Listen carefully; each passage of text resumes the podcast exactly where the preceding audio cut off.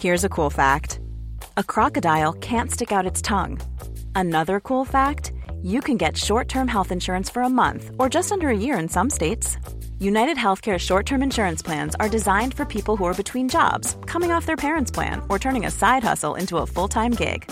Underwritten by Golden Rule Insurance Company, they offer flexible, budget friendly coverage with access to a nationwide network of doctors and hospitals.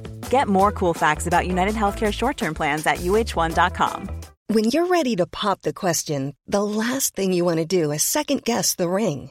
At Bluenile.com, you can design a one of a kind ring with the ease and convenience of shopping online. Choose your diamond and setting. When you find the one, you'll get it delivered right to your door. Go to Bluenile.com and use promo code LISTEN to get $50 off your purchase of $500 or more. That's code LISTEN at Bluenile.com for $50 off your purchase. Bluenile.com code LISTEN. Millions of people have lost weight with personalized plans from Noom, like Evan, who can't stand salads and still lost 50 pounds.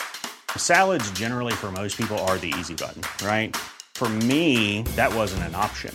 I never really was a salad guy. That's just not who I am. But Noom worked for me. Get your personalized plan today at Noom.com. Real Noom user compensated to provide their story.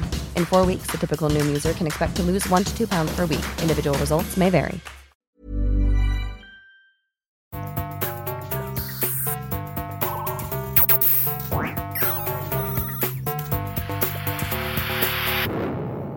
Velkommen til Sinnsyn. Jeg heter Sondre Risom Livre, er psykolog, og dette er Webpsykologens podkast. Hverdagspsykologi for fagfolk og folk flest.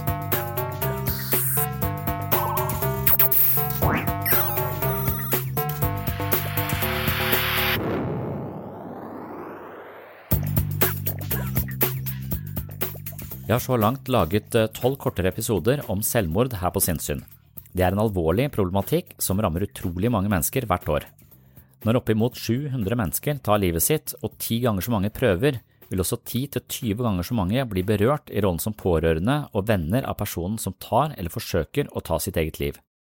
I dagens episode skal jeg snakke med tre mennesker om selvmord. Det var et eh, arrangement på teatret i Kristiansand i regi av Mental Helse. Det kom i kjølvannet av Verdensdagen for psykisk helse 2020, som hadde overskriften Spør mer. Verdensdagen var sentrert rundt en oppfordring til alle om å spørre mer til andres liv og utfordringer. Det var også en oppfordring til å spørre mer om eh, folk er så nede at de vurderer selvmordet som eneste utvei. Skal vi egentlig spørre oftere og tydeligere til noen som sliter, om de har tenkt til å ta livet sitt? Er det riktig for alle å spørre om det? I hvilke situasjoner passer det å spørre? Hva med de som absolutt ikke vil snakke om det fordi de er død de egentlig vil? Er det både gode og dårlige måter å spørre på? Dette var tematikk vi ønsket å reflektere over denne kvelden. I panelet sitter jeg sammen med tre mennesker med ulike erfaringer og kompetanse. Det er Erlend Waade som er lærer, skribent og forfatter som leder samtalen. Han var også en aktiv del av samtalen, men hadde i tillegg et overordnet ansvar for regi og en ordna ordveksling. På scenen satt jeg også sammen med pårørende etter selvmord og forfatter Anne Giljebrekke. Hun driver en podkast med selvmord som tema. Hun mistet sin sønn til selvmord for litt over et år siden da vi møttes eh, på teatret i Kristiansand. Hun har skrevet eh, bok om å miste en sønn. Hun var altså mor til en blid, populær og vellykka ung mann som plutselig velger døden til alles forferdelse og overraskelse. Hvordan kunne dette skje? Anne sin historie er utrolig sterk, og hun er en modig og solid kvinne som makter å fortelle om sitt livs store tap og den uendelige sorgen. Til sist har vi med oss enhetsleder ved DPS Østre Agder, Hilde Thomassen. Hun er også tilknyttet Nasjonalt senter for selvmordsforebygging. Ingressen, eller eh, oppslaget til eh, dagens arrangement, lyder som følger. Er det kanskje på tide å bryte tausheten omkring selvmord? For at noe er vanskelig å snakke om, betyr kanskje nettopp at det bør snakkes om. Regjeringen har nå sin nullvisjon mot selvmord, men er en nullvisjon bare en naiv drøm, eller trengs en så ambisiøs målsetning for å redusere antall selvmord i landet vårt? Når altfor mange tar livet sitt hvert år i velferdslandet Norge, er det kanskje på tide å stoppe opp og ta noen nye grep. Trafikkdødeligheten har blitt kraftig redusert de siste 50 årene, hovedsakelig på grunn av massive sikringstiltak og kampanjer, mens antall selvmord har økt i samme periode. Antall selvmord i Norge ligger nå på mellom 600 og 700 hvert eneste år, og registrerte selvmordsforsøk er det tidobbelte. I tillegg er det sannsynlig å anta at mørketallene er store. Hvorfor får dette så lite fokus? Er ikke selvmordsofrene like verdifulle som trafikkofrene? Og hvorfor tar så mange unge livet sitt, ikke minst gutter og unge menn? Må vi kanskje begynne å snakke mer om de sårbare guttene, mennene, og hvor skal vi lete etter årsaker? I helsevesenet, i konkurransesamfunnet, i familien, i sosiale medier, i medisinbruken eller i rusmidlene? Og har den som velger å avslutte livet sitt også et ansvar? Dette her var altså spørsmål vi ville lufte denne kvelden her sånn. Det er eh, et eh, alvorlig tema, som sagt, men eh, tonen på scenen var forholdsvis god, og jeg synes det ble en interessant samtale.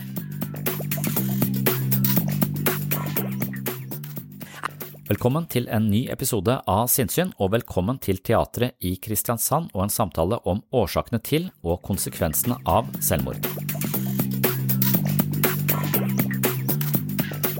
Vi som sitter her, skal få tid til å svare og snakke litt ja, Ta oss litt god tid med svarene. Fordi at temaet er alvorlig. Det er mange som er berørte. Det er mange som Ja, kanskje du som sitter og hører på nå, kan jo hende at du er midt inne i den situasjonen at du føler at livet er tungt. Jeg vet ikke. At du er verdiløs. Eh, at du er et problem og en byrde for alt og alle. Eh, kanskje har du tenkt det som er overskriften i kveld, at døden har blitt en slags løsning, at du begynt å tenke sånn. Eh, kanskje den eneste løsningen òg. Eller du kan hende at du er en pårørende som opplevde å ha mista en av dine nærmeste. Kanskje kjenner på sinne eller fortvilelse eller grubler på om du kunne gjort noe mer for at det ikke skjedde. At det ikke ble sånn. Eller kanskje er det en som um, kjenner noen i nærhet som um, snakker om å ta livet sitt. Som livet har blitt tungt for, og du er fortvilt og vet ikke hva du skal si eller hva du skal gjøre. Det er litt sånne ting vi skal snakke om, vi som sitter her. Det er um, ingen fasitsvar, ingen enkle svar. Derfor vi har lyst til å ta oss litt tid og, og høre på hverandre og lytte til hverandre. Vi har forskjellig bakgrunn, vi som sitter her. Forskjellig erfaring. Og det gjør det litt fint, syns jeg, da, at vi kan høre på det. Um, jeg tror jo at fordi at et tema er vanskelig, så betyr det ikke at vi ikke skal snakke om det. Jeg tror nettopp at kanskje det er en viktig grunn til at vi må snakke mer om et sånt alvorlig tema, tenker jeg da. Vi som sitter her, i hvert fall, vi bryr oss. Vi vet litt om hva som kan hjelpe, tror jeg, når livet blir tøft. Vi har møtt det fra forskjellige sider. Eh, vi har eh, gjort oss noen erfaringer. Vi vet òg at ting kan endre seg, da. Ting kan bli helt annerledes, bli bedre. Jeg tror iallfall tenker jeg sånn at det er alltid noen som kan tenke seg å gå et stykke vei sammen med den som har det vanskelig, og lytte og bruke tid. Og som kan forstå noe, iallfall. Vi kan ikke forstå hverandre fullt og helt, men vi kan lytte til hverandre og hjelpe hverandre og støtte hverandre. Og så er det Mental Helse Agder og Mental Helse Kristiansand og omegn som står som arrangør for denne kvelden. Ehm, jeg sitter i styret der sjøl, i Kristiansand eh, Mental Helse. Vi har tenkt og ville sette temaet her på dagsorden denne høsten her. Um, av forskjellige årsaker. Det er en nullvisjon som regjeringa kommer med i høst, blant annet derfor.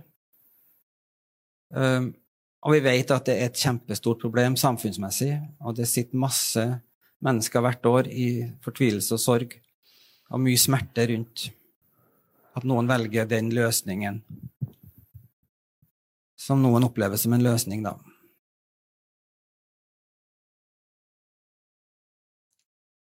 Ja. Noen tall, bare for å si litt om uh, hva det handler om. Det er ca. 700 i året som tar sitt eget liv, som ikke orker livet mer. Uh, og det er nokså stabilt, det har vært i mange år, mellom 600 og 700. Det går heller litt opp enn ned. Um, det er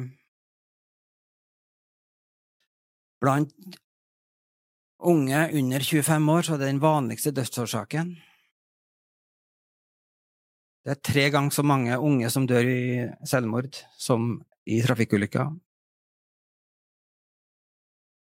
Og det er seks ganger så mange som prøver å ta livet sitt, som dem som faktisk klarer å gjennomføre det.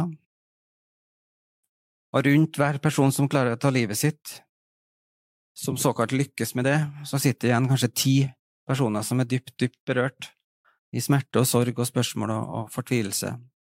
Så det er mange mennesker som er berørt. Når jeg nevnte for folk den siste uka at jeg skulle snakke om det temaet her, så alle jeg snakka med, jeg kjenner noen. Jeg har et søsken, jeg har en nevø, jeg har en niese. Jeg har en venn som har tatt livet sitt. Det er så mange som er berørt, ja. Så det skal vi snakke litt om. Hva er det som skjer? Hvorfor går det ikke ned? Trafikkulykkene har gått dramatisk ned. Mobbing er det nullvisjon på. Det ser ut som det å hjelpe. Hjelpe det med nullvisjon. Vi skal snakke litt om det. Ja. Før vi går videre til å presentere oss litt nærmere hvem vi er, vi som kan sitte her og snakke, så skal det komme et uh, bilde nå, tror jeg, der det står et telefonnummer. Hvis det er noen som sitter der og har lyst til å spørre noen av oss spørsmål, kan dere skrive spørsmål, sende SMS til det telefonnummeret. Vi har også lagt ut uh, Mental Helse sin hjelpetelefon og sin chattetjeneste, som er døgnåpen, der det går an å få noen som lytter. Det går an å stille spørsmål, det går an å få hjelp og støtte gjennom den tjenesten som Mental Helse har.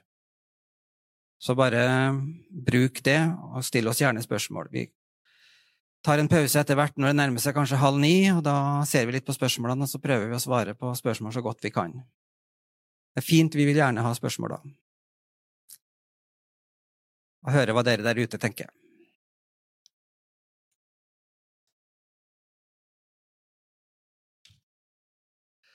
Ja. Da har dere sikkert sett oss fire som sitter her. To kjekke damer. To kjekke menn. Veldig glad for at dere har sagt ja til å være med. Som jeg sa, så er det Mental Helse som arrangerer. Ja, der sitter jeg, da, i styret. Jeg har vært med der i en par-tre år nå. Jeg heter Erlend Våde. Jeg bor her i Kristiansand. Jeg er 65 år.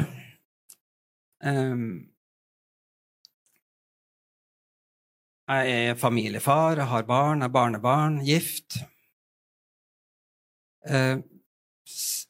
Eh, samtidig så har jeg en bipolar lidelse som for meg handler om at veldig mye av livet mitt har vært i et uh, depresjonslandskap. Veldig tunge depresjoner i perioder. Slitt masse. At livet har vært så tungt at jeg ikke orka dagene. Jeg har òg vært i det området at jeg hadde ønska å dø. Jeg husker ennå jeg gikk det er nå fem-seks år siden nå, jeg gikk turer i skogen, og det var vinter, og det var tynn is. Og jeg tenkte det er bare å gå ut på den isen, så til slutt så brister den, og så er det slutt, og så er alt over. Løsningen for meg var det. Jeg ville bli borte, jeg ville slippe livet, det var for tungt å leve. Enda jeg hadde barn, enda jeg hadde familie, enda jeg hadde venner. Når jeg tenker på det nå, så skammer jeg meg nesten at det går an, for nå er livet snudd. Jeg har det bra, og jeg er så glad for alt jeg har. Ja. For meg sier det litt om depresjon og selvmord, for depresjon er skummelt. og Det har vært veldig skummelt for meg, for dette er så tungt, det drar meg så langt ned, det blir så mørkt, og jeg forsvinner inni min egen boble, jeg ser bare meg sjøl. Jeg orker ikke å stå opp. Jeg orker ikke å leve en hel dag. Alt er bare motløst. Jeg er bare verdiløs. Ingen som bryr seg om meg. Eh, jeg betyr ingenting for noen. Sånn er tankene da. Så mitt budskap i starten er jo at det går an at ting snur, da. Det har vært en jobb. Det har vært mange jeg har snakka med, og mye hjelp jeg har fått. Men det går an at det snur, da. Ja, det var meg. Så sitter uh, Anne rett overfor meg her. Giljebrekke. Mm -hmm. Bosatt i Lillesand. Mm, du er psykiatrisk sykepleier. Har vært. Ja, det er noen år siden jeg har holdt på med det, men uh, det er jo Ja. litt sånn med, med alt annet i livet, at en bruker jo alt den har av erfaring videre. Ja. Du snakka litt om at uh, du jobba i psykiatrien, så syns du at det du har lest i lærebøkene, at ikke det stemte, at det skjedde noe med teori og praksis, som at det ikke gikk helt i hop, fortalte du. Jeg tror det var min vei ut, Mm. på en måte. Jeg, jeg trodde det var dette jeg hadde lyst til å jobbe med. Mm. Men jeg hadde vært gjennom ganske tøffe ting sjøl. Mm. Og jeg kjente jo at hver gang jeg kom ned og skulle forberede meg, for jeg drev videreutdanning i psykiatri, hver gang jeg kom ned og skulle forberede meg, så ble jeg kjempesliten. Bare av å se bøkene, liksom. Mm. Og etter hvert også så var det ganske mye av det som jeg trodde som jeg hadde lært på skolen, som jeg så ikke funka. Mm. Og eh, det er jo ikke for at jeg skal si at alle skal hive bøkene, men for meg så ble det riktig å ta et oppgjør med det og si at dette, dette er ikke måten jeg ønsker å være med og hjelpe folk på. Det er kanskje det er min personlige mening. Og Men hvilken måte også- tenkte du? Hvilken var det som var feil, eller? Nei, jeg, altså jeg hadde jo folk rundt meg som sleit. Mm. Og jeg så at de fikk ikke den hjelpa som sto i bøkene. Jeg hadde liksom en sånn der, når jeg hadde gått på skolen, så var jeg liksom sånn Wow, det er så mye bra! Mm. Systemtenkning, de trekker med familien og alt mulig sånn. Så så jeg så mange plasser som ikke det fungerte. Så det var en del av det. Men også hadde jeg lyst til å gjøre noe helt annet. Så da begynte jeg med business istedenfor. Og heller hjelpe selskaper som sliter. Og så har det da utvikla seg til å bli TV mer og mer. Det var video, og nå er det blitt TV. Og så, ja. Du tok utdannelse TV fra USA, sa du det? ja, det er jo helt naturlig å gå på college når du er 56 år. Ja. Så det gjorde jeg da i halvannet år. Spenstig. Kjempegøy. Men Hanne, så skjedde det noe i august i fjor. Mm. Vil du fortelle litt hva Det det, kan jeg gjøre. Ehm, Den eh, 9. august så sto vi en gjeng, jeg hadde ansatt syv ungdommer. Vi skulle intervjue Erna Solberg, og det var kjempestemning. Vi hadde fått pressepass, vi var så stolte, liksom. Så vi skulle ned på Arendalsuka. Og så sitter jeg på Lillesand senter, og ehm, plutselig så, så tikker det inn en melding, eller en sånn mail. Og min sønn Thomas, jeg har fire barn, da. Én gutt og tre jenter. Så tikker det inn en melding, og der står det eh, 'unnskyld' som overskrift. Jeg tenkte i all verden, ja, Thomas, du, han er jo en impulsiv fyr. Og uh, gjør mye pranks og gjør mye gøy og sånn, men jeg tenkte unnskyld, hva er det, åh, er det et eller annet, skal jeg hjelpe deg med noe? Og så begynte jeg bare å lese helt som vanlig, ikke sant, og så begynner, jeg, så, så begynner jeg å se nedover denne meldinga eller mailen. Og så skjønner jeg det at hva er det du snakker om for noe? At du aldri har snakka om dette før, og at du sliter. Og at du nå på en måte Dette er det mest egoistiske du kan tenke deg å gjøre, men, men dette er det eneste utveien, eller løsningen, som du ser på det som du sliter med. Og så forteller han litt hvorfor, og litt sånt noe. Ehm, og halvveis nedi så begynner jeg bare å grine. Og det går bare helt iskaldt. Jeg står liksom på, midt på gulvet på et kjøpesenter, og hele verden detter fullstendig i grus. Og så kommer det sånn liten tanke på at kan det være en prank, liksom? Han, har, han tuller med alt mulig, den gutten. Så jeg måtte ringe til bestekompisen i Oslo. Hun Ringte bare inn og sa at jeg har fått en mail av Thomas. Han eh, skriver at han uh, unnskyld, og så begynte jeg å lese litt, og så sier han at Anne, dette her er kjempealvorlig. Jeg, jeg kjører hjem med en gang. Og jeg sa, men kunne han ha tulla med dette her? Så sa han han hadde aldri tulla med dette til deg. Så da skjedde jo ting ganske kjapt. Vi var i Lillesand, han var i Oslo. Og da eh, ringte jeg søs altså søstera hans, eldstesøstera. Da hadde han tydeligvis ikke slått av. Han slått av alle stedstjenester, men ikke for de to eldste søstrene sine. Så de fant han veldig fort hvor han er, og fikk varsla AMK, er det ikke det det heter? Altså politi og ambulanse. Og vi heiv oss bare i bilen. Og eh, når vi var kommet ca. halvannen time på vei, så ble vi bedt av politiet. Da, da hadde vi hørt noe om at de fikk liv i han igjen, og at de hadde fått puls, liksom, og sånn. Og jeg bare tenkte åh, guri land, men hva er dette her for noe? ikke sant? Og vi er helt overbevist om at de klarte å redde han. Og så ber de oss om å kjøre inn på en bensinstasjon og parkere bilen. Og da får vi beskjeden om at de klarte ikke å redde han. Og da sto vi der inne, altså jeg husker det ennå.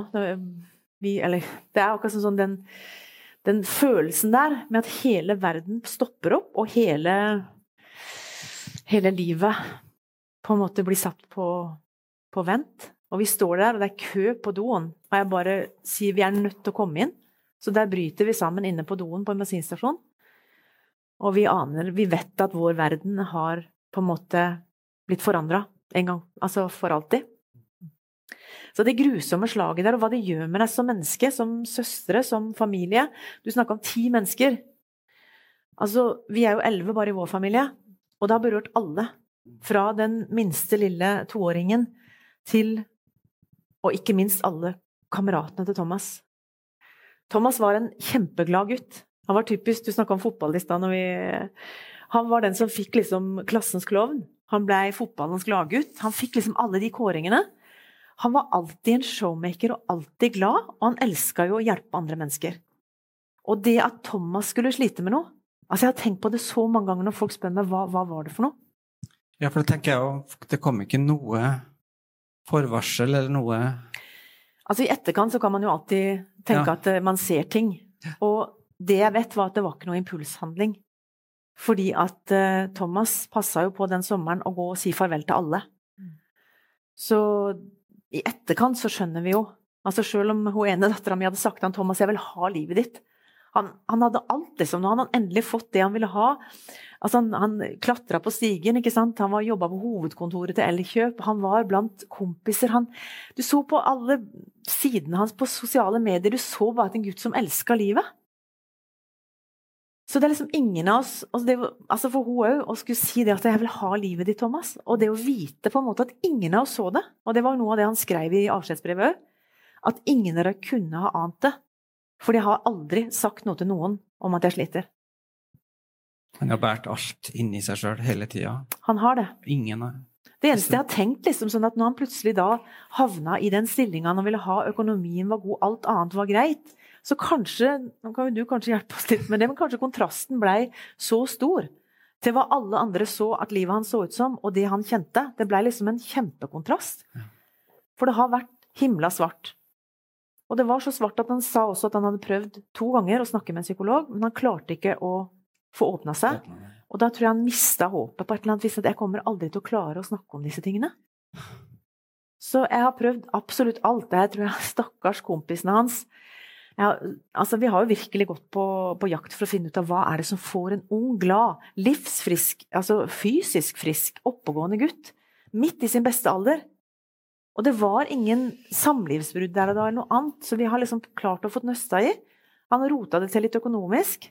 Så det eneste jeg har klart å bli sinna på, er disse kredittselskapene som lar han få lov til å ta opp et lån og betale med et annet. Men det var småtteri i forhold til en så enormt drastisk Og bare for å ta tak i det med løsning ja. Hvis noen tenker at det er en løsning for noen, så er det jo det helt motsatte for alle oss andre i familien. For dette blei jo dette ble jo ikke en løsning som gjorde at ting ble lettere for oss. Eller, altså, vi er vel mye heller ha 100 Thomaser som jeg må på en måte gå gjennom dette mørket med, og stå mm. på sida og fighte, som er min jobb som mamma, mm. enn at jeg nå, halvannet år etterpå, vi griner hver dag. Livene våre er blitt totalt forandra. Alt fra barnebarn til det er 500 stykker bare i minnegruppa hans. Han har så mange venner som lider, som går med store sår. Som bare kunne han, bare, kunne han ikke bare sagt det til oss? Vi hadde støtta han 100% Han er gutten vår, liksom. Så det er, ikke noe løsning, for en løsning sier jo at problemet er løst. Men problemet begynner jo bare for alle oss andre. Vi skal gå med og bære med oss sorgen for det som Thomas gjorde, hele resten av livene våre. Og bare nå, når jeg har måttet skru av mobilen, så er det sikkert jeg har 16 ubesvarte anrop fra mine unger, for de skjønner ikke hvorfor de ikke får tak i meg. Så det er jo en frykt som sitter der. Og det er ganske mange sår og ganske mye å jobbe seg gjennom som, som en familie kollapser mm. når du mister noen sånn. Du skal få si mer, men eh, jeg kjenner deg som en sånn glad og energisk og livskraftig dame. Hva, hvordan har du kommet dit du er nå? Altså, hvordan overlever du i hverdagen i hele tatt? Altså, jeg, jeg, har jo min vei ut. Jeg tror kanskje det er forskjellig, som, både som dere som jobber i fagfeltet. Det er jo ingen lik vei ut av dette her. Men i andre tragedier jeg har vært igjennom, så har det jo ikke vært mulig å kunne snakke åpent om ting. For det har vært mange andre som har berørt. Men dette var noe som jentene mine også ville. Mm. Første kvelden på hotellrommet i Oslo. Mamma, vi må sende ut en melding. Vi skal si hva dette var, og vi skal være der. Ja. Mm. Så det har vært fra dag én. Og jeg har også måttet spørre med de Jeg skrev en bok, blant annet, ganske tidlig, mm. om å miste en sønn i selvmord. Begynte en podkast. Det har vært min vei ut Ja, ikke sant? Det har vært min vei videre, har vært egentlig Jeg lever jo med dette allikevel. Så hvorfor kan jeg ikke få lov til å være åpen om det? Og jeg hadde ikke valgt å være med i denne gruppa på en måte og jobbe så intenst med det hvis ikke jeg kjente den smerten hver dag uansett. Så det jeg gjør, det gjør jeg egentlig for Thomas, og for alle de som er glad i Thomas. Når jeg går ut og snakker om det når vi er her, så er det ikke for at jeg har spesielt behov for å være den selvmordsdama på en måte som alltid skal snakke om selvmord. Men jeg gjør det fordi at kanskje en som ser på, kanskje en eneste som ser på, skjønner hva dette gjør med familien. Skjønner at dette er ikke noe vei ut. Og får et håp. Mm. Og det håper jeg vi kan bringe her, både med å vise hva slags behandling som fins, hva slags uh, alternativer vi har. Mm. Så det, jo, det var min vei ut. Det var å egentlig bare gå. Om jeg griner eller kollapser, så er det ikke så farlig, tenker jeg. Jeg har mista maska mi, så jeg er ikke noe Ja, jeg sa det til dere, det kan godt være jeg griner her òg, men det får ikke hjelpe. Jeg kan godt være at jeg ler godt òg. Du er utrolig modig, Anne. Åpen og forteller uh, og deler. Uh, og tar oss andre inn i det. Det er veldig sterkt. Det har i hvert fall vært en vei som virker for meg. Mm. Så tusen takk for at jeg får lov å være med her. Jeg opplever jo at det, det å snakke om det, hvor, altså du viser hvor viktig det er å, å, løfte det fram og være åpen om det og snakke om det. Det er sikkert alle kan det eller alle klarer det, men at det er, det er iallfall noe der som alle kan ta til seg, tror jeg. Jeg hadde jo tusen spørsmål, og er liksom, jeg er litt spent i kveld, for jeg lærer noe hele tida. Og for dere som jobber, altså du som psykolog, du som enhetsleder, det å lære hvor, hvor er det hjelpa er. For det er jo veldig vanskelig mange ganger å finne når du er midt oppe i en krise. Ja. Så jeg gleder meg til å lære det. Vi må bare presentere de to andre. Altså, Anne, det er Hilde Thomassen. Eh, du jobber som enhetsleder. Distriktspsykiatrisk senter, en sengepost. Agder øst.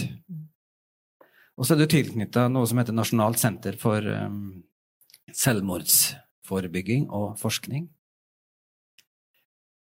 Du får ikke si så mye i starten som eh, jeg var Anna for, men kan du si litt om hvor, hvor, hvordan kom du inn i det senteret, den uh, tilknytninga der? Du har en bistilling der, sa du? Mm. Ja, eh, til daglig er jeg jo enhetsleder på døgnenhet mm. i DPS Østre Agder. Det syns jeg er eh, meningsfullt eh, å kunne lage en ramme for pasienter som trenger innleggelser i akutte suicidale kriser. Mm. Um, eller i selvmordskriser, da, hvor de trenger ekstra beskyttelse. Og da er jo det å få en seng i en institusjon et godt uh, alternativ. Mm. Og så ble jeg tilknytta Nasjonalt senter for selvmordsforskning og forebygging i uh, 2016, for de skulle ha en pilot uh, hvor de skulle prøve ut noen av strategiene i den europeiske alliansen mot depresjon. Og det har vi gjort. Vi har prøvd ut noen av strategiene. Blant annet så har vi oversatt et uh, nettbasert e-helseverktøy for behandling av depresjon. Uh, og hvor man òg kan ta en test om man har en depresjon, og få råd om man skal søke hjelp. Det heter iFight Depression, og i det nettbaserte verktøyet så finnes det Det er gratis. Det ligger der for alle. Og det er bra. Og det er opplæring òg som er gratis.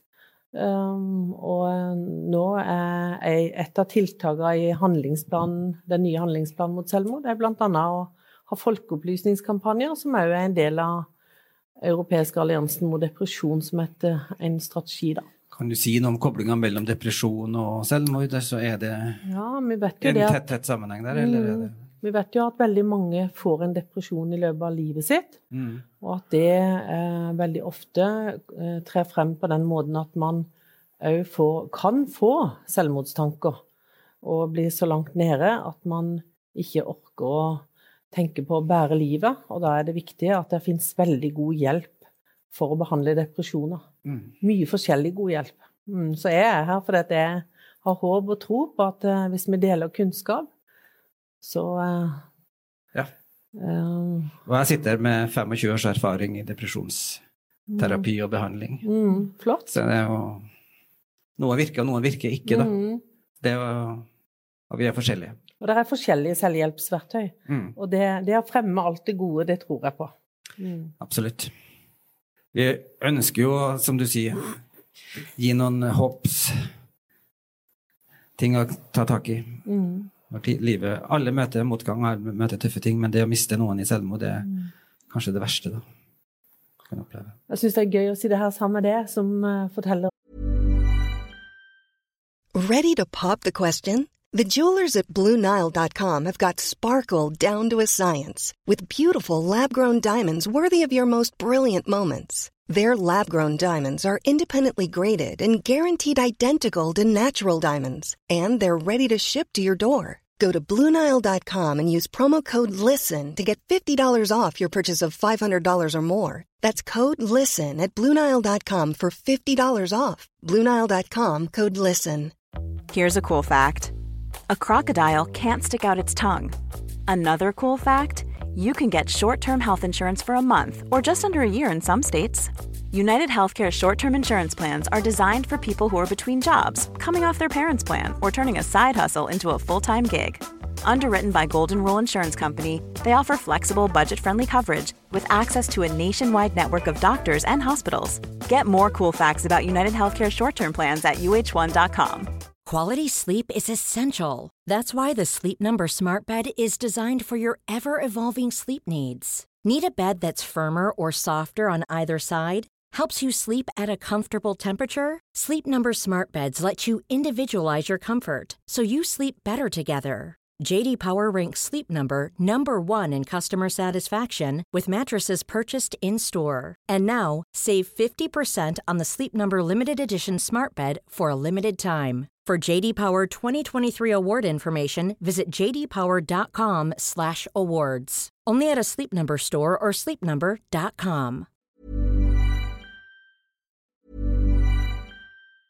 Mom deserves the best, and there's no better place to shop for Mother's Day than Whole Foods Market. They're your destination for unbeatable savings, from premium gifts to show-stopping flowers and irresistible desserts. Start by saving 33% with Prime on all body care and candles. Then get a 15-stem bunch of tulips for just $9.99 each with Prime. Round out Mom's menu with festive rosé, irresistible berry chantilly cake, and more special treats. Come celebrate Mother's Day at Whole Foods Market. Hold up. What was that? Boring. No flavor. That was as bad as those leftovers you ate all week. Kiki Palmer here, and it's time to say hello to something fresh and guilt-free. Hello Fresh. Jazz up dinner with pecan-crusted chicken or garlic butter shrimp scampi. Now that's music to my mouth. Hello Fresh. Let's get this dinner party started. Discover all the delicious possibilities at hellofresh.com. Mom deserves the best, and there's no better place to shop for Mother's Day than Whole Foods Market. They're your destination for unbeatable savings, from premium gifts to show-stopping flowers and irresistible desserts. Start by saving 33% with Prime on all body care and candles. Then get a 15-stem bunch of tulips for just $9.99 each with Prime. Round out Mom's menu with festive rosé, irresistible berry chantilly cake, and more special treats. Come celebrate Mother's Day at Whole Foods Market. At du har vært langt nede, og så er du nå, sitter du her og er programleder om et så vanskelig tema og kan fortelle at du har hatt selvmordstanker selv. Mm. Vært i den dalen. Og så er du glad for at du lever. Så noen må jo ha båret det. Noen må ha båret det. Ja, Mm. mange, eh, mange ting. Jeg skal delta, jeg skal lede samtalen litt og prøve det, men jeg vil òg delta litt og komme med mine innspill og mine motforestillinger. Og, eh, ja. Det blir Så, spennende. ja. Sondre Risholm Liverød. Psykologspesialist. Jobber på DPS, distriktspsykiatrisk senter på Solvang her i Kristiansand. Eh, vi har snakka sammen før. Faktisk. Men eh, ikke om det her temaet her. Du jobber der med, mye med grupp, gruppeterapi, vet jeg, og liker det. Men du jobber mye òg utadrettet, syns jeg. Du er med i mange sammenhenger. Snakka med Gaute Høyvold i går. Du møter store forsamlinger. Vet du hvorfor du jobber så mye utadretta, ikke bare på Solvang, liksom? Hva er det som driver deg til å snakke til mange? Dårlig spørsmål. Eh, eh, kanskje narsissisme?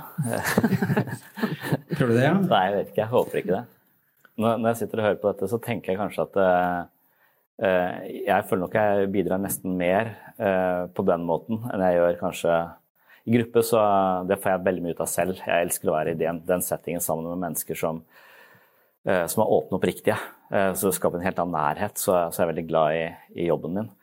Men, eh, men jeg tenker jo at eh, vi lever i en verden som vi er nødt til å hacke på en eller annen måte. For at eh, eh, hodet vårt er ikke noe som vi bare kan ta for gitt. Og det å prøve å hacke og forstå hvordan vi havner ned i sånne blindveier, det er jeg interessert i. Og det er jeg interessert i å snakke om på en sånn måte at det er brukbart, eller at det, folk kan få, få, noe ut av det. Eh, så jeg er interessert i hva som gjør at vi kommer et på et sted hvor, vi, hvor det er så mørkt. Eh, og det vet det, det er jo mange, mange, svar på. Jeg har eh, mange hypoteser som vi kanskje kommer tilbake til i løpet av eh, dag. Ja. Og det å snakke med Gaute i går, det var jo Ja, der dukker det opp eh, flere ting som eh, Det er også en fortelling om en, eh, om en ganske Han skrev om faren sin, som er, var en utrolig talentfull person, men også ekstremt sensitiv. Eh, som eh, lykkes eh, veldig mye opp igjennom, men som også havner på et mørkt sted. Da. Av ulike årsaker. Ikke helt klart, men jeg tenker det er sannsynligvis én million årsaker til at folk havner i selvmordstanker. Og en person har sine årsaker, en annen person har helt andre, mm. andre årsaker. Så akkurat hvordan vi skal hjelpe dem, det tror jeg, ganske, det tror jeg ikke vi kan lage noen oppskrift på. Uh, og det er, uh, det er, litt problematisk, syns jeg, med, med psykiatrifeltet. At, vi, at, det ligger så tett på, at det ligger i sykehuset i det hele tatt. Da. At det er en del av, at vi er litt for tett på somatikken. Vi tenker at her er det én løsning. Vi skal snakke om det. Snakke om det er løsningen. Det er ikke sikkert det er løsningen. Uh, for, nei? Så, så er, jeg, jeg, kan ha vondt i hodet pga. at jeg har undertrykt seksuelle impulser, men jeg kan også ha vondt i hodet fordi jeg har en tumor. Men eh, paralgin forte hjelper uansett hva som er årsaken. på en måte. Så, så antidepressiv eller altså, De symptomene vi har, de må vi undersøke. Vi må dykke ned i de. Vi skal ikke ha de vekk. Vi skal forstå de. Eh, og det, det tror jeg kanskje at jeg prøver å, å bidra med i, i sinnssyn eller webpsykologen. Du er ikke tilhenger av symptombehandling? Du vil jeg mener Symptomer bør være veldig interessante. Ja, Som eh, signaler, ja. Som signaler. Altså, og veldig forskjellige ting. Ja, Du legger handa di på plata, og det gjør dritvondt, så tar hun på en måte vekk. Men du, du lærer også, du må lære. Vi er nødt til å altså, Har jeg vondt i ryggen, så er det som regel alltid fordi at jeg har eh, mista en eller annen form for balanse litt tidligere i uka eller i forrige uke. Har for mye å gjøre, har, klarer ikke å balansere. Så vi må kjenne på alle de faktorene som til sammen altså, jeg tror psykisk helse er litt eh, ja, det, det, handler om eh, tusenvis av faktorer som sammen kulminerer i et større, større problem. Mm. Og det må vi jobbe på veldig mange områder for å, for å vedlikeholde den delen av, av livet vårt. Mm. Og, og er, Derfor kan du lage en eh, podkast på 200 000 episoder, for det, det, vil alltid være nye ting som man kan spille inn. Og jo flere du kjenner til, jo flere muligheter har du til å peile ditt eget liv i en ny retning. Det, det er litt kult at du sier hacker, da. Jeg liker det ute. Jeg tenkte yes, den ja. ja, den likte jeg kjempegodt. For det er jo litt den jakten den er på. Kan vi få hacka inn på dette her som egentlig blir så lukka inn at ingen snakker om det? Ja. Du må nesten jo, være litt sånn Det er et negativt ord etter det, da. Bryte seg inn, eller Ja, jeg mener hacke, så, så mener jeg bare at eh, f.eks. så uh, vil uh, Facebook, Google og alle disse sosiale mediene som vi streamer dette på, de prøver å eh, ødelegge min oppmerksomhet, så jeg ikke klarer å lese en bok i en time i strekk uten å sjekke mobilen f.eks. Eh, så de har jo hacka meg. Så hvis ikke jeg tar over den hackinga litt selv, så jeg eier min egen oppmerksomhet f.eks., så blir den outsourca til store giganter som tjener penger på min oppmerksomhet, og det er jeg lite interessert i. Eh, så, men når, du snakker, ikke sant, denne glade, eh, din, din sønn, så, så, så, får jeg også masse sånne tanker i hodet. Jeg, er, jeg blir veldig berørt av å høre på det. Jeg syns det er uh, vanvittig tøft av deg å, å, fortelle det. Og så, og så, lurer jeg på, men, men, lurer jeg på hvordan kan det skje? Og som jeg, som jeg, jeg, jeg tror det fins tusen millioner årsaker til at ting skjer. Alle ting er, de, de er overdeterminert, ifølge Freud. da. Og, og, det kan være helt, Men én ting som jeg opplever som ikke fører til selvmord, men som fører, fører, til en form for depresjon, tror jeg, er noe som ligger ikke i familien, eller, men det ligger i det er en slags tidsånd. Noe som blåser gjennom oss, en vind som er i samfunnet.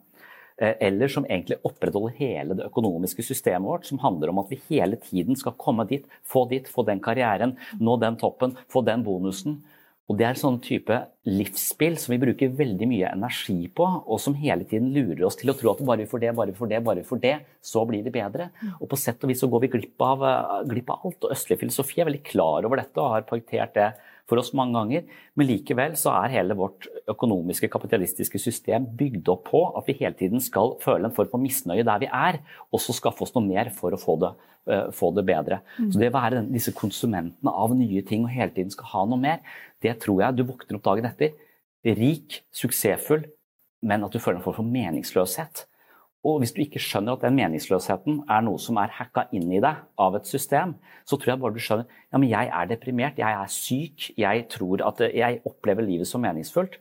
Og så, og så er du på en måte uh, mer eller mindre hjernevaska av, av, et system som har ført deg inn i en gate. Og der må du hacke det. Du må forstå at du blir lurt inn i denne, disse livsspillene hele tiden, som egentlig ikke gjør noe annet enn å fylle opp banken vår og gjøre livet vårt ganske grått for, for, sensitive mennesker. Du kan eh, liksom leve et helt liv på finanstoppen og ha spisse albuer og komme deg oppover, men, men jeg, tror, eh, jeg, tror, på et eller annet tidspunkt så våkner du og skjønner at det, var dette livet? Var det det som, eh, det var det som skjedde med faren til Gaute, sånn jeg forsto det litt etter hvert. At han våknet til den erkjennelsen av å være best i militæret, være best der, hoppe lengst på ski. Det betydde ikke noe på en eller annen måte. Ja. Eh, da hadde du gått i gang med årsaker og mening og samfunn, og vi skal snakke om det også, så har tenk, Hva tenker du når Sondre sier det han sier, Anne? Jeg syns det er kjempespennende. Og jeg har heldigvis fått lov til å begynne å høre litt på sin Nå sto det helt stille med Sinnsyn. Ja. Eh, og jeg syns det er veldig kult det når noen snakker litt sånn eh, rett fra levra, og undrer seg litt. Fordi om du har den flotte tittelen, og du er liksom psykolog, du er ikke bare psykolog, du er spesialist, liksom. ikke sant? Og folk sitter jo tre-fire måneder i, i, i, kø for å komme til deg. Her får vi lov til å bare øse ut av, av, det du har lært. Men jeg skjønner jo at du er en, en vanlig mann som tenker, og som hele tida tar imot impulser fra andre også. Og dette, dette, gir litt sånn gjenklang hos meg. For jeg har jo tenkt på var Thomas ekstra sensitiv? Og, altså, jeg må jo gå alle disse rundene med meg. Var det et eller annet jeg gjorde? ikke sant? Og det er som mamma. Så tenker du at når noen altså Når ungen din velger det som du har beskytta de mest for i hele livet, så eh, tenker du at du har gjort et eller annet steingærent. For når du begynner å snakke om oss som skulle være så vellykka, så, så, vet jeg jo at jeg har fighta for den gutten i alle settingene han har vært i. Jeg har aldri sagt liksom at Thomas, når du blir sånn og sånn, så er du vellykka. Og jeg har, jeg har gått på trynet så mange ganger sjøl, og de har sett det. sånn at jeg, jeg tenker liksom, Hvor er det han har fått dette her veldige kravet til seg sjøl? At han må lykkes så veldig? Altså, Er det litt sånn guttesak, eller er det Jeg kunne forstått det hvis jeg sa Thomas, du må ha gode karakterer, du må ha ditt og datt, men han har jo på en måte bygd stein på stein. Han har lykkes eh, etter å ha mislykkes en del ganger i ting og funnet ut der han elska å være, og så tar han livet av seg. Det er den ikke jeg skjønner ingenting av, jeg. Nei, altså, jeg, jeg, tror ikke man har gjort noen feil, men, men jeg tror, tror kanskje et, En mulighet er at, at, kulturen gjennomsyrer oss på en eller annen måte. Og, og, vi kan få noen fastlåste eh, ideer om hva som skal gi livet mening. Også hvis det ikke plutselig gir så mye mening som vi trodde, eh, så, så blir, vi, blir, vi, på en måte stående ikke skjønne noe, noe, som helst og tenke at det er noe galt med oss. Mm. Uh, og, ja, men, for, i terapi i dag altså det, det, det, som er fantastisk i gruppeterapi, er at det, det, mener jeg blir et annet spill. Det blir et spill hvor vi lodder dybden i det å være menneske sammen. Og jeg tror det er helsebringende. Jeg tror ikke det har så mye med hvilken metode du bruker, eller om du gjør det sånn eller sånn. Bare det å være i en kontekst, i en, i en samling av mennesker som prøver å finne en, en dypere Eller forstå ting på, et, på en dypere måte, det tror jeg er ganske helse, helsebringende. Og en av de tingene vi snakket om i dag, som, som jeg syns var interessant. Det dukket opp en metafor hvor, hvor man, uh, som handler om escape room. Har du vært i det? Ja. Nei, jeg har ikke vært i det, jeg har bare hørt om det. Ja, escape room. Da blir du bare låst inn i et, uh, i et rom. Og jeg og noen kollegaer vi var i det på en sånn avslutning, uh, sånn teambuilding-aktig. Og da ble jeg låst inn i et, et lite rom hvor det fløy rundt en, en sånn gæren psykiater med kjøttøks og skulle drepe oss hvis ikke vi klarte å komme oss ut i løpet av en time. Eh, og det høres ut som et mareritt, men så lenge du vet at dette skal vare en time, og når den timen er ferdig, så dreper ikke han oss, men da slipper han oss ut, for det er det som, dette er et spill. Eh, og det er temporært. Det, det, det, det skal ikke være sånn for alltid. Uh, og, og, det tror jeg kanskje er et godt bilde på Jeg tror når man virkelig kommer inn i, i, i, det mørke, tenker man nå er jeg låst inn her, jeg kommer ikke videre. Og det tenkte jeg i det escape roomet. Jeg tenkte jeg finner ikke ut av dette her, jeg skjønner ingenting. Og så nesten ga opp. Det, er ikke, det, er ikke, noe vits i. Og, men så skjønte jeg at dette er et spill jeg skal finne nøkler, jeg skal finne nye muligheter. Og, og ja, For du må knekke koder liksom, for å komme videre? Koder, du må knekke koder for å komme videre i dette, dette livsspillet. Og så er det gøy fordi det er temporært. Vi løser problemer. Mm. Men med en gang du tror at dette her er livet mitt, sånn er livet, nå er det så, så mørkt, noe som jeg tror depresjon lurer oss til å tro, mm. eller det å få barn Sånn tenker jeg, Nå skal jeg aldri sove mer, da. Ja, Da var det livet ferdig. Jeg kan komme til å tenke sånn midt på natta når jeg ikke sover, og går og, og bærer på en unge, f.eks. Og at det, men, men, så, men, så, må jeg minne meg ja, dette er temporært. Dette varer kun så lenge. og så vil, Det eneste jeg vet, er at ting kommer til å forandre seg. Og Det vet man i et escape room, men det vet man ikke når man er deprimert og er inne i en sånn suicidal uh, bane. Så den ideen om at Eller bare huske på at alt er temporært. Eneste du veit, er at ting kommer ikke til å være sånn her alltid. For ingenting er sånn her alltid. Alt forandrer seg. Uh, og det, det, er en sånn tanke jeg tror, det er en måte å hacke seg selv på. ikke sant? Alltid huske på det. For det, det hjelper meg i, i kriser. Jeg får sånne flashbacks til min, mine depresjonsfølelser når du snakker om hvordan, hvor fastlåst og innestengt du blir. da. Eksempel som det er rart å tenke på, men jeg sto oppe hele natta og ville ikke sove fordi at hvis jeg, sovna, eh, hvis jeg sovna, ja, hvis jeg la meg ned, så sovna jeg, og bang, så kom det en ny dag. Hvis jeg sovna. Og en ny dag orka ikke jeg, så tanken på. Og, og, løsningen var å stå, da, for da gikk tida saktere. Ja, det er så rart å fortelle om det, for, for det, er, det, er, så ulogisk og så rart, men sånn var det. Orke, det var håpet borte. Jeg tenkte skal det fortsette sånn? Skal det fortsette sånn? Mm. Ikke orke å stå opp, ikke orke å leve. Alt er Kjenner du deg igjen i det som han sier nå, i forhold til at du er i et rom? Det ja, det, det, er derfor jeg sier det, at det ligner på det å være innesperra og ikke vite Du skjønner ikke, Det er ikke noen nøkler heller, da. Det er ingen som fortalte hva som er kodene heller. Sånn var det for meg, iallfall. Mm. Da tenker jeg det er viktig at eh, noen kommer inn tidlig. Og, og, og, nettopp eh, kan være med å oppdage depresjon før det blir så mørkt. Mm. Og at man kan komme inn med hjelp tidlig. Og uh, nå har vi nettopp hatt verdensdagen for psykisk helse, mm. uh, 10.10. Og det å, i år var temaet å tørre å spørre. Mm. Og det å tørre å spørre hverandre om hvordan vi har det. Uh, og tørre å gi det et ansikt at det er mange som sliter. Uh, og det er en annen åpenhet i 2020 enn jeg begynte med dette i på 90-tallet. Ja, jeg tenkte jeg skulle spørre litt om det. da, siden det var, Forrige uke var det et stort tema, og mange snakker om Du må spørre mer, du må spørre to ganger, tre ganger. Ikke vær redd for å spørre. Jeg tenker, er det er det så enkelt at det bare å spørre? Du må være, jeg tenker jo at må, Den som spør, må vite at han tåler svaret eller vil være i det. Og du kan kanskje spørre feil. og Hva tenker dere om å spørre? Vi snakka om det litt i bilen, Hilde og meg, for vi kommer fra samme plassen. Mm. Og jeg sa det at uh, det blir jo unaturlig å bare tenke at uh, bare du har spurt, så er du i mål. Og jeg tenker jo for min del, i hvert fall, når folk uh, skal spørre meg, eller hvis jeg skal spørre noen, så kan ikke jeg bare spørre en eller annen tilfeldig person om det. Jeg må ha en relasjon til dem for å ha en, altså, ha en rett på en måte til å spørre. Så enten så at den personen kommer til meg for å få hjelp, og jeg kan si det. Når de på en måte, men jeg går, kan jo ikke rundt for, for det om jeg ser at folk er deppa, så kan ikke jeg rundt og bare det Kan godt være du er uenig med meg, men jeg føler at du skal ha en type tillit, eller du skal ha en type relasjon til den personen. Ja, eller? Eh, jeg tenker som nettverk, da, hvis vi hadde vært venner, og jeg ser at du har det vanskelig, Anne, så tenker jeg det er en eh, oppgave, en helt nødvendig samfunnsoppgave for meg å tørre å spørre hvordan du har det. Uh, og om du sliter med selvmordstanker, det uh, ville jeg ha spurt det om. Mm. Og det har jeg forresten gjort. Ja, for, for det er ganske vanlig for familier etter å ha mista noen, ja. så er de i faresonen sjøl. Mm. Det, og det snakka vi om i bilen at vi kunne snakke om, men jeg tenker det å Men Hvordan var det for deg å få det spørsmålet, da? Det er litt sånn uventa.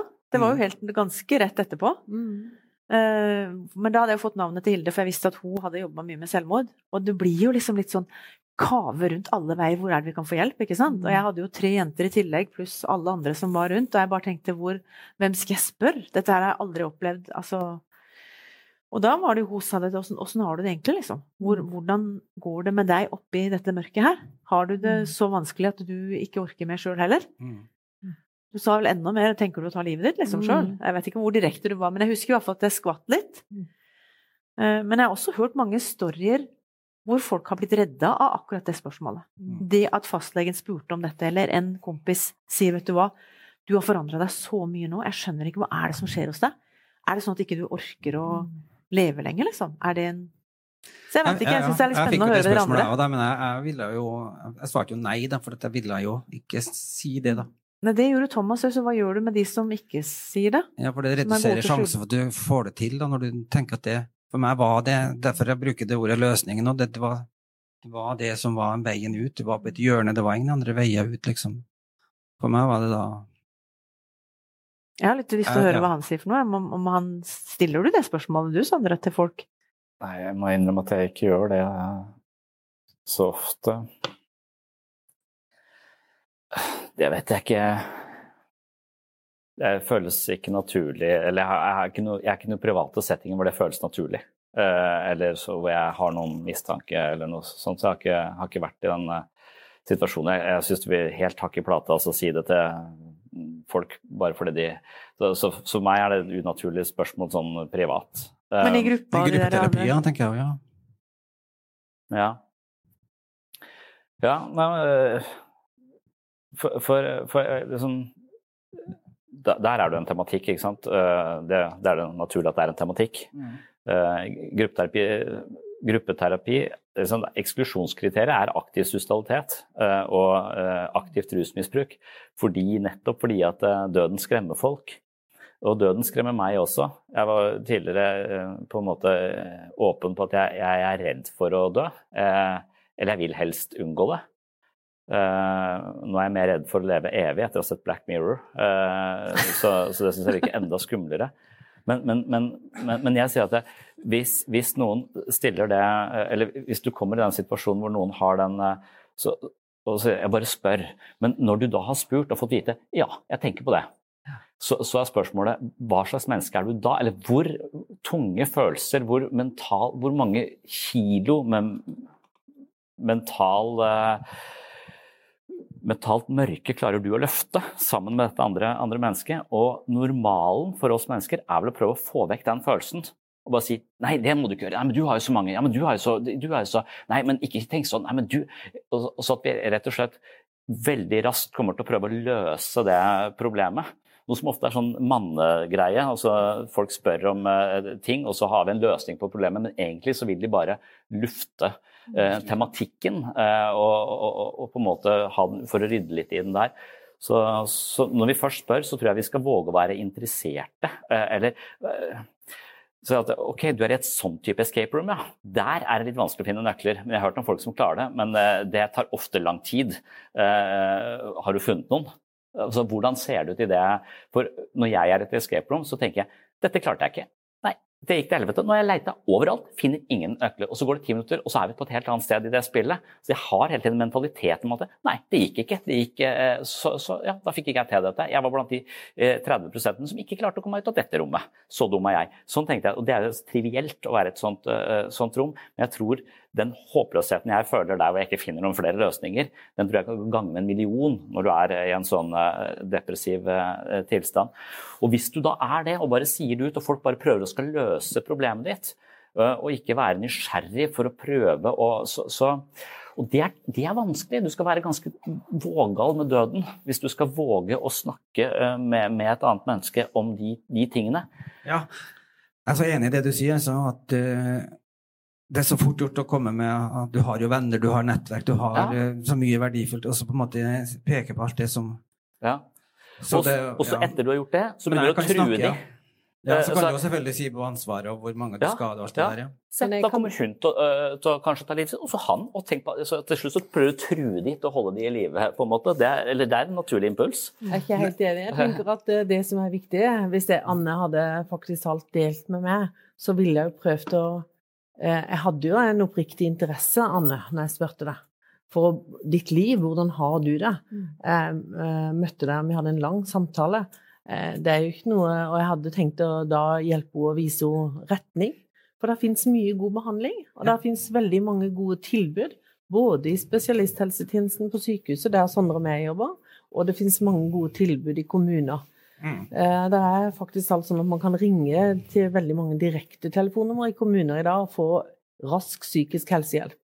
Man kan ringe til Mental Helse-hjelpetelefonen og få rask eh, hjelp til å bli vist rundt i kartet hvor man kan få hjelp. Og Mm. man kan søkes inn til spesialisthelsetjenesten og få god hjelp.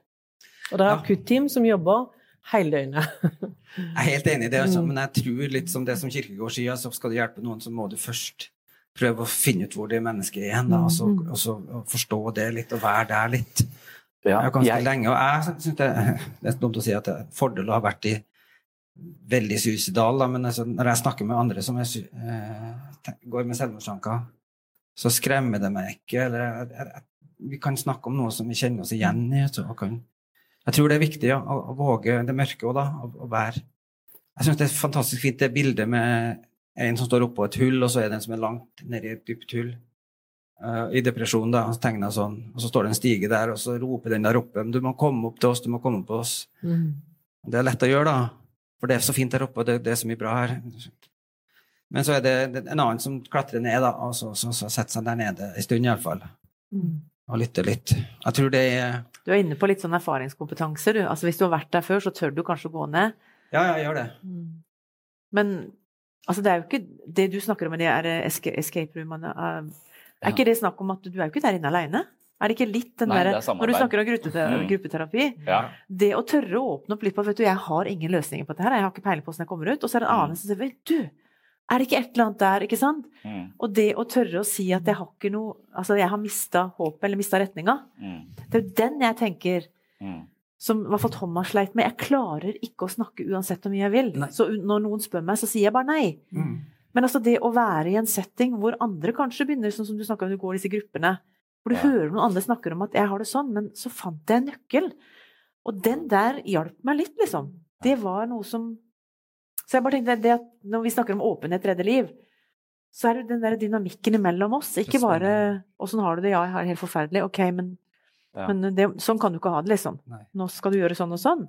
Ja. Men mer å kunne undre seg, sånn som du sier, det syns jeg er en veldig kul tilnærming. Jeg vil, jeg vil, liksom, grunnen til at jeg jobber bare i gruppeterapi, er kanskje fordi at jeg syns det var litt eh, At jeg, jeg sleit litt med å, å ha eh, verktøy på et kontor alene med et annet menneske og 45 minutter til rådighet. Det var, eh, det var mitt eh, eh, så, så hvis, Det er kanskje litt derfor jeg ikke er sånn der Jeg går ikke rundt og spør eh, folk om de er eh, For jeg er ikke sikker på om jeg har noe å bidra med, for jeg tror den løsningen på et sånt problem er forholdsvis Jeg tror årsaken til det er uhyre kompleks. Jeg tror løsningen også er uhyre kompleks. Men jeg tror den løsningen finnes i, eh, i eh, gode flokker og fellesskaper som, hvor du er, på en måte blir sparka i tankegangen din. Eh, hvor du hele tiden blir bombardert med andre perspektiver, andre erfaringer, og er i en slags, hvor man kan liksom bare kna måter å tenke på. Et slags filosofisk forum. eh, eh, som, som, nesten som en slags filosofisk elektrosjokk, på en måte. Hvor du, hvor du er sammen med andre blir nysgjerrig på det mørke. Eh, og, og hvordan og, Så derfor så har jeg ikke jeg noen eh, skrekk for eh, selvmordsproblematikk i dag, fordi at, jeg, eh, fordi at jeg har så mange arenaer med så utrolig bra folk. Utrolig bra flokker som, som jeg har rundt meg hele tiden eh, på jobb. Og hver gang jeg har en person som jeg tenker du faller snart eh, Du mister snart helt grepet, så jeg tar jeg deg inn i denne eh, flokken her, for den flokken der har en sånn kultur, og det kommer til å skli inn i deg på en eller annen måte. Det opplever jeg som veldig virkningsfullt, som en del av spesialisthelsetjenesten her. eh, Og Er det en vanlig Men- måte i psykiatrien? Er det Det, liksom liksom... sånn- dette er jo én terapiform, men det finnes jo mange andre terapiformer som andre finner mening og håp og tilfriskning i. Så det er jo viktig å fremme Og det er bl.a. å gå i poliklinikk eh, hos en eh, egen terapeut i psykoterapi eller kognitiv atferdsterapi eller kognitiv terapi. Ja. DBT-behandling. Der finnes mange gode behandlingsformer, og det er mange som bruker medisiner uh, mot depresjoner. Uh, og ulike Ja. andre ting. Jeg snakker med mange av dem. Jeg har inntrykk av at de fleste går til en psykolog en gang i uka eller annenhver uke. At det, det er veldig mye det som er tilbudet, kombinert med diverse medisiner. da. Jeg har jakta veldig på gruppe. gruppe. Jeg har, kjempetro på gruppe. Jeg har gått i gruppe hos Sondre da, og i mange andre grupper, selvhjelpsgrupper. Altså, det har betydd så mye for meg. da. Bare det at noen er modige og tør å snakke sant og ærlig om eh, Mm. det de har slitt med. så Kanskje det Thomas sleit med, at det, var, det gjør så vondt. Og så, men å høre noen andre som våger det, har vært en hjelp for meg. På. Men det er jo derfor spesialisthelsetjenesten skal ha en bredde av tilbud, deriblant gruppeterapi. Mm. Ja, og kanskje det kunne vært enda mer fokus på gruppe, da. Ja, så tenk, når det er tre-fire måneder, jeg vet ikke hvor lang ventetid det er hos deg, Sondre, men, men tenk hvor mye mer sånn uh, Hvor smart det er å bruke grupper, da. Du får jo den der dynamikken inn der. For de 45 minuttene så får du mye mer igjen for det hvis du har fire eller fem i en gruppe, eller jeg vet ikke hvor mange dere er engang. Ja, bare si at det er ikke fire-fem måneders ventetid, det er i snitt sånn mellom 40 og 55 dager ventetid på sykehuset i dag. Ok.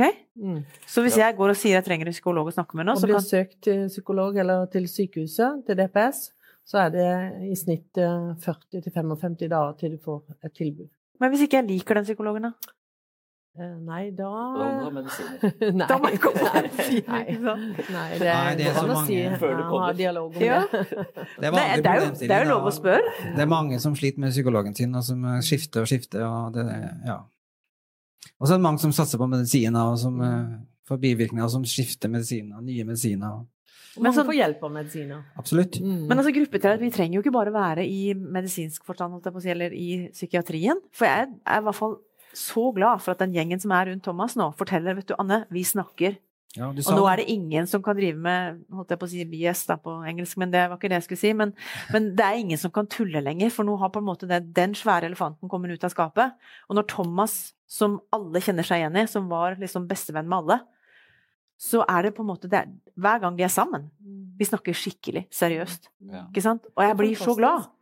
Så de driver jo gruppeterapi på hverandre, på en måte, da. Det er kanskje, det er kanskje på kanten av livet at, eh, at, man eh, blir tvunget til å stoppe opp eh, og ikke bare løpe fra ting, men også dykke, ned i det. Så, så, det kan jo ha den effekten.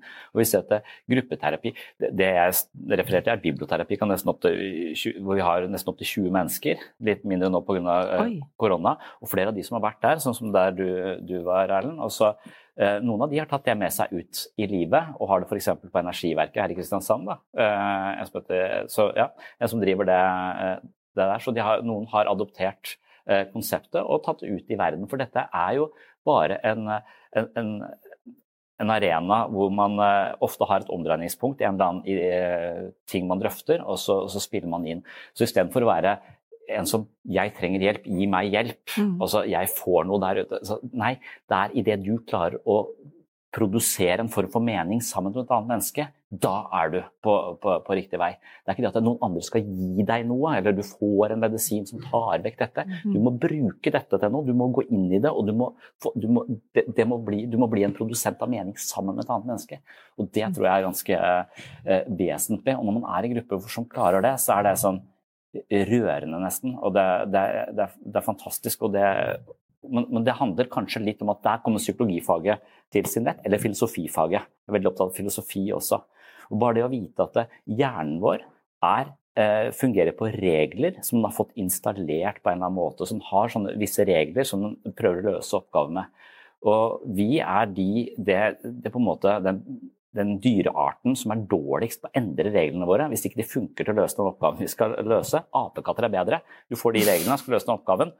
Klarte ikke, drit i reglene og så løser jeg på en annen måte. Mens vi mennesker hele tiden løse. Vi skal bruke reglene, og vi har veldig vanskelig å legge de vekk. Så hvis vi tenker at det, dette her var ikke meningsfullt, eller jeg er ikke verdifull nok, eller jeg er ikke like god som andre, så vil det være det vi bruker inn i nye situasjoner, og det farger hele, hele livet vårt. Så det er virkelig å forstå disse grunnelementene og snakke med andre. Ja, sånn, sånn, var min idé om meg selv hele tiden.